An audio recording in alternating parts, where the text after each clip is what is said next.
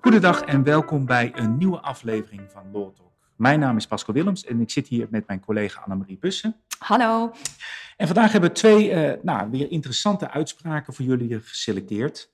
En we beginnen met de uitspraak van het gerechtshof Amsterdam van 9 augustus uh, jongsleden over een uh, metrobestuurder die nou ja, weigerde onder andere een keuring te ondergaan. Ja, en dat, um, dan, zul je misschien denken, joh, wat, wat voor keuring gaat het dan over? Maar dan is het wel aardig om even de, de context te schetsen. Wat is hier aan de hand? We hebben dus een metrobestuurder en die is sinds de zomer van 2015 al gedeeltelijk arbeidsongeschikt. En nou ja, dan zul je zien, pech op pech. Um, op 15 december 2015 is hij ook nog een keer betrokken geweest bij een metro-ongeval.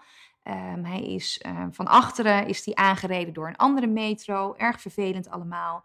En de werknemer meldt zich dan daarna opnieuw ziek met psychische klachten. Nou, dan ongeveer drie jaar later kent het UWV een via-uitkering toe. En de werknemer is wel daarnaast nog uh, in staat om nog passend werk te blijven verrichten voor de, voor de werkgever.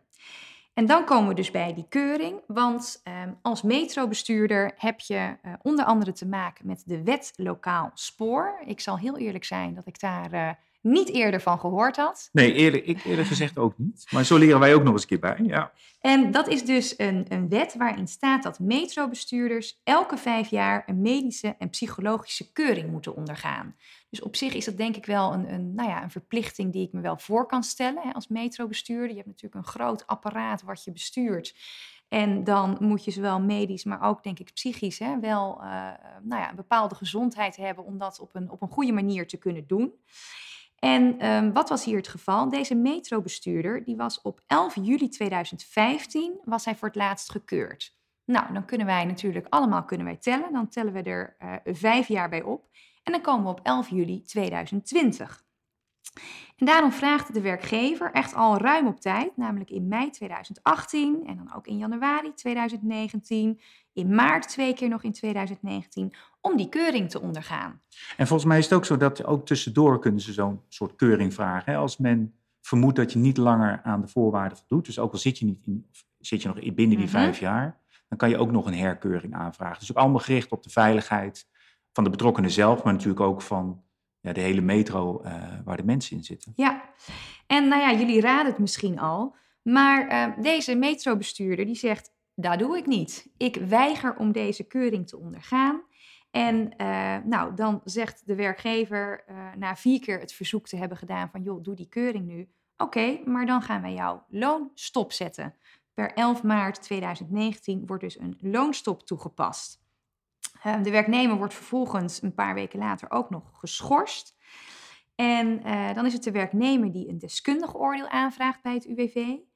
En de arbeidsdeskundige die oordeelt dan in mei 2019, dus dan loopt de loonstop uh, twee maanden, dat de reïntegratie-inspanningen van de werknemer dat die voldoende zijn tot 27 maart. Nou, en dan ja, is het wat mij betreft niet helemaal duidelijk, maar pas uh, nou, bijna een jaar later wordt de loonstop door de werkgever opgeheven. Oftewel, de werkgever zegt: Jij kunt wel een uh, arbeidsdeskundige oordeel hebben van het UWV dat jij voldoende doet aan je reïntegratie. Maar wij vinden dat er van jou gevraagd kan worden om die medische keuring te ondergaan. En uh, op 5 februari 2020 wordt de loonstop opgeheven, want, nou ja, je raadt het al, werknemer werkt dan wel mee aan die keuring. Dus eigenlijk is deze werkgever best wel hè, duidelijk van, joh, die keuring is voor mij zo belangrijk. Uh, dan pas, hè, als, als jij die keuring hebt ondergaan, dan ga ik het loon pas weer betalen. En wat volgens mij wel eens meespeelde, is dat ze hebben nog een ontbindingsprocedure gevoerd. En daarin heeft uh, nou, GVB, eh, dus de werkgever, gezegd van ja, weet je, deze medewerker weigert steeds die keuring tot drie, vier keer. Dus dat is ernstig verwijtbaar. Toen heeft de medewerker ter zitting gezegd, ik ben bereid om alsnog die keuring te ondergaan. En de kantonrechter heeft de ontbinding afgewezen onder de vermelding van, nou ja, het is uh, wat de medewerker heeft gedaan, is uh, verwijtbaar, hè, uh, maar niet zodanig verwijtbaar dat dat eh, tot een ontbinding leidt, omdat hij bereid was om mee te werken. Dus... Ja, dus eigenlijk eh, hè, toen hij voor het bankje kwam, om het zo te zeggen, trok hij de keutel in de werknemer. En je weet natuurlijk nooit wat er op zo'n zitting gezegd is, maar ik kan me voorstellen dat dan de kantonrechter als ontbindingsrechter heeft laten weten van, je luister meneer, wat uw werkgever van u vraagt, dat begrijp ik, want we hebben nou eenmaal die wet.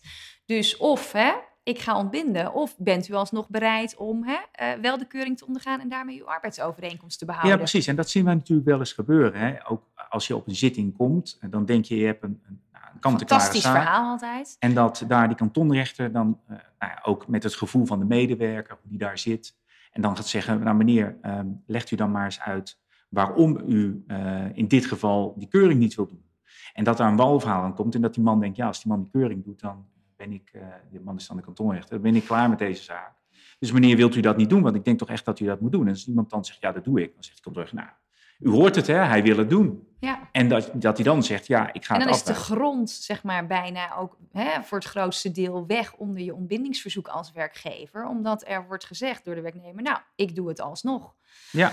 Kijk, en dan denk je, dan zijn ze er. Maar nee, dat is niet zo. Want dan uh, steekt de werknemer uh, ook nog een keer de vinger op. Zegt, ja, hé, hey, ik heb um, vanaf 11 maart 2019, of eigenlijk al eerder, vanaf december 2018 tot die 5 februari, tot die keuring 2020, dus dik een jaar, heb ik geen loon bij ziekte gekregen. Ja. Want het loon was stopgezet. Um, beste kantonrechter, wilt u dat toewijzen?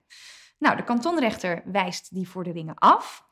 En dan zegt de werknemer, dan zoek ik het hoger op. Ik uh, ga het voorleggen in hoger beroep aan het gerechtshof.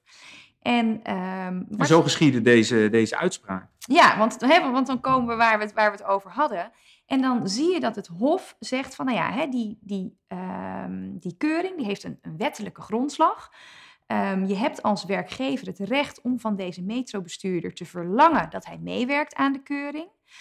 En um, dat vinden we dus ook een redelijk voorschrift. En wat je dan ziet is dat het Hof ook hè, teruggrijpt naar de redenen wanneer je het loon van een zieke werknemer stop mag zetten. Want het Hof zegt het is een redelijk voorschrift dat erop gericht was om hem te laten reïntegreren. Ja, passende Want, arbeid verrichten. Juist, ja. hè, passende arbeid verrichten. En dan zegt het Hof ook nog, ja, als de werknemer meende dat hij medisch gezien niet in staat was om de keuring te ondergaan, dan had hij een deskundig oordeel kunnen aanvragen, hetgeen hij niet heeft gedaan. Nou, of dat nou, um, hè, of dat nou helemaal zo, zo klopt, daar, daar heb ik wel wat vragen bij. En daar komen we straks natuurlijk ook op. Want de werknemer zegt ook, ja, maar ik heb toch een deskundige oordeel, heb ik al aangevraagd. En daarin is geoordeeld door het UWV dat ik voldoende heb gedaan aan mijn reïntegratie. Maar de arbeidsdeskundige heeft in dat deskundige oordeel ook expliciet verklaard: ik doe geen uitspraak over de vraag of deze werknemer al dan niet de keuring moet doen. Want dat vind ik een arbeidsrechtelijke kwestie. En dat he, ligt niet binnen de rijkwijde van de wetverbetering poortwachter. En dus ga ik daar als deskundige niets over zeggen. Precies, dus uit dat deskundige oordeel mocht de werknemer, waarin die werd gezegd dat hij wel voldoende deed aan reintegratie, niet afleiden dat hij dus ook een grond had om die medische keuring uh, ja, niet te ondergaan. Ja. En daar zit natuurlijk nog het advies van de bedrijfsarts voor, want daar was ook nog wel wat discussie over hoe je dat moest uitleggen. Of hij een soort wachttermijn, geloof ik, mocht toepassen voordat hij die keuring had. Daar beriep hij zich ook nog eens een keer op. En daarvan zei het Hof ook, ja, zo kan je die tekst van de, van de bedrijfsarts niet uitleggen. Uh, uit niets blijkt eigenlijk dat jij mocht zeggen, ik ga hem nu niet doen op advies van de bedrijfsarts. En dus ook uit deskundig oordeel, ondanks dat hij gelijk kreeg dat hij voldoende had gedaan aan reintegratie bleek ook niet dat hij daar die medische keuring niet. Uh, nee, dat hij het niet aankon, bij wijze van spreken, op medische gronden. Ja. Kijk, en dit zien wij natuurlijk wel vaak. Ik weet niet hoe dat, uh, hoe dat bij jou is, Pascal. Maar dat zo'n, zo'n helaas, een, een deskundige orde van het UWV blinkt niet altijd uit in helderheid. Uh, kijk, hier was het eindoordeel duidelijk, namelijk werknemer, jij doet voldoende aan je reintegratie. En daar gaat de werknemer zich dan achter verschuilen. Ja. Ook al zegt de arbeidsdeskundige heel expliciet, ja, over die keuring, daar brand ik mijn handen niet aan. Dat is iets arbeidsrechtelijks. Um, en dat is natuurlijk wel lastig, want, want de werkgever heeft gewoon te maken met het feit dat die keuring verricht moet worden. Die zegt, ja, dat is nodig om überhaupt meneer weer te kunnen laten reïntegreren. Want anders mag ik hem niet eens achter een, een tram, een, een metro uh, stuur zetten. En um, ik denk dus dat het ook heel goed is om, om je te realiseren dat hè, bij het UWV, het zijn natuurlijk vier vragen waar je uit kunt kiezen. En ehm, dat als een werknemer zegt, joh, kijk maar, ik heb gelijk gekregen, want mijn, hè, mijn, mijn vraag die ik heb gesteld, daar heb ik een krulletje achter gekregen. Kijk gewoon wel goed wat er staat. Ja. En voor de werknemer dus, van ja, ook al doe jij voldoende aan je reintegratie, er mag dus meer van jou gevraagd worden. En dat is eigenlijk wat het Hof zegt. Van ja, dit is ook gewoon een redelijk voorschrift. En dat heb je ten onrechte geweigerd. En dus is de loonstop terecht opgelegd. Ja, maar het, het, ging natuurlijk nog iets verder, hè, want het zit uiteindelijk ook nog op de ziekmelding die hij had gedaan. En dan gaan we weer terug naar 2018. De bedrijfsarts had op een gegeven moment gezegd, je kan 75% werken. En op dat moment heeft hij zich ziek gemeld. Ja, hij zat volgens mij op 50% en dan komt er een oordeel van de bedrijfsarts van, nou, hè, we zien de stijgende lijn, je kunt naar 75%. En dan zegt deze werknemer, ho, ik meld me weer ziek. Ja, en dan zegt de werkgever, ja, dat kan je wel zeggen, maar onze bedrijfsarts zegt dat je 75% kan werken. Dus wij zetten het loon stop, hè, want 0% werken is niet hetzelfde als 75. En daar vind ik wel dat het Hof een rare, uh, nou, misschien wel zelfs een fout maakt.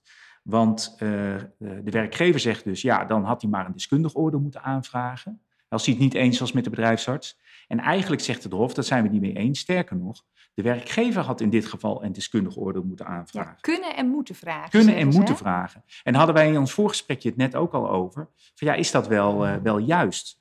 Want je hebt de situatie, je, je, wordt begeleid door een bedrijfsarts. Die geeft een oordeel over, nou in dit geval de inzetbaarheid, namelijk 75 procent.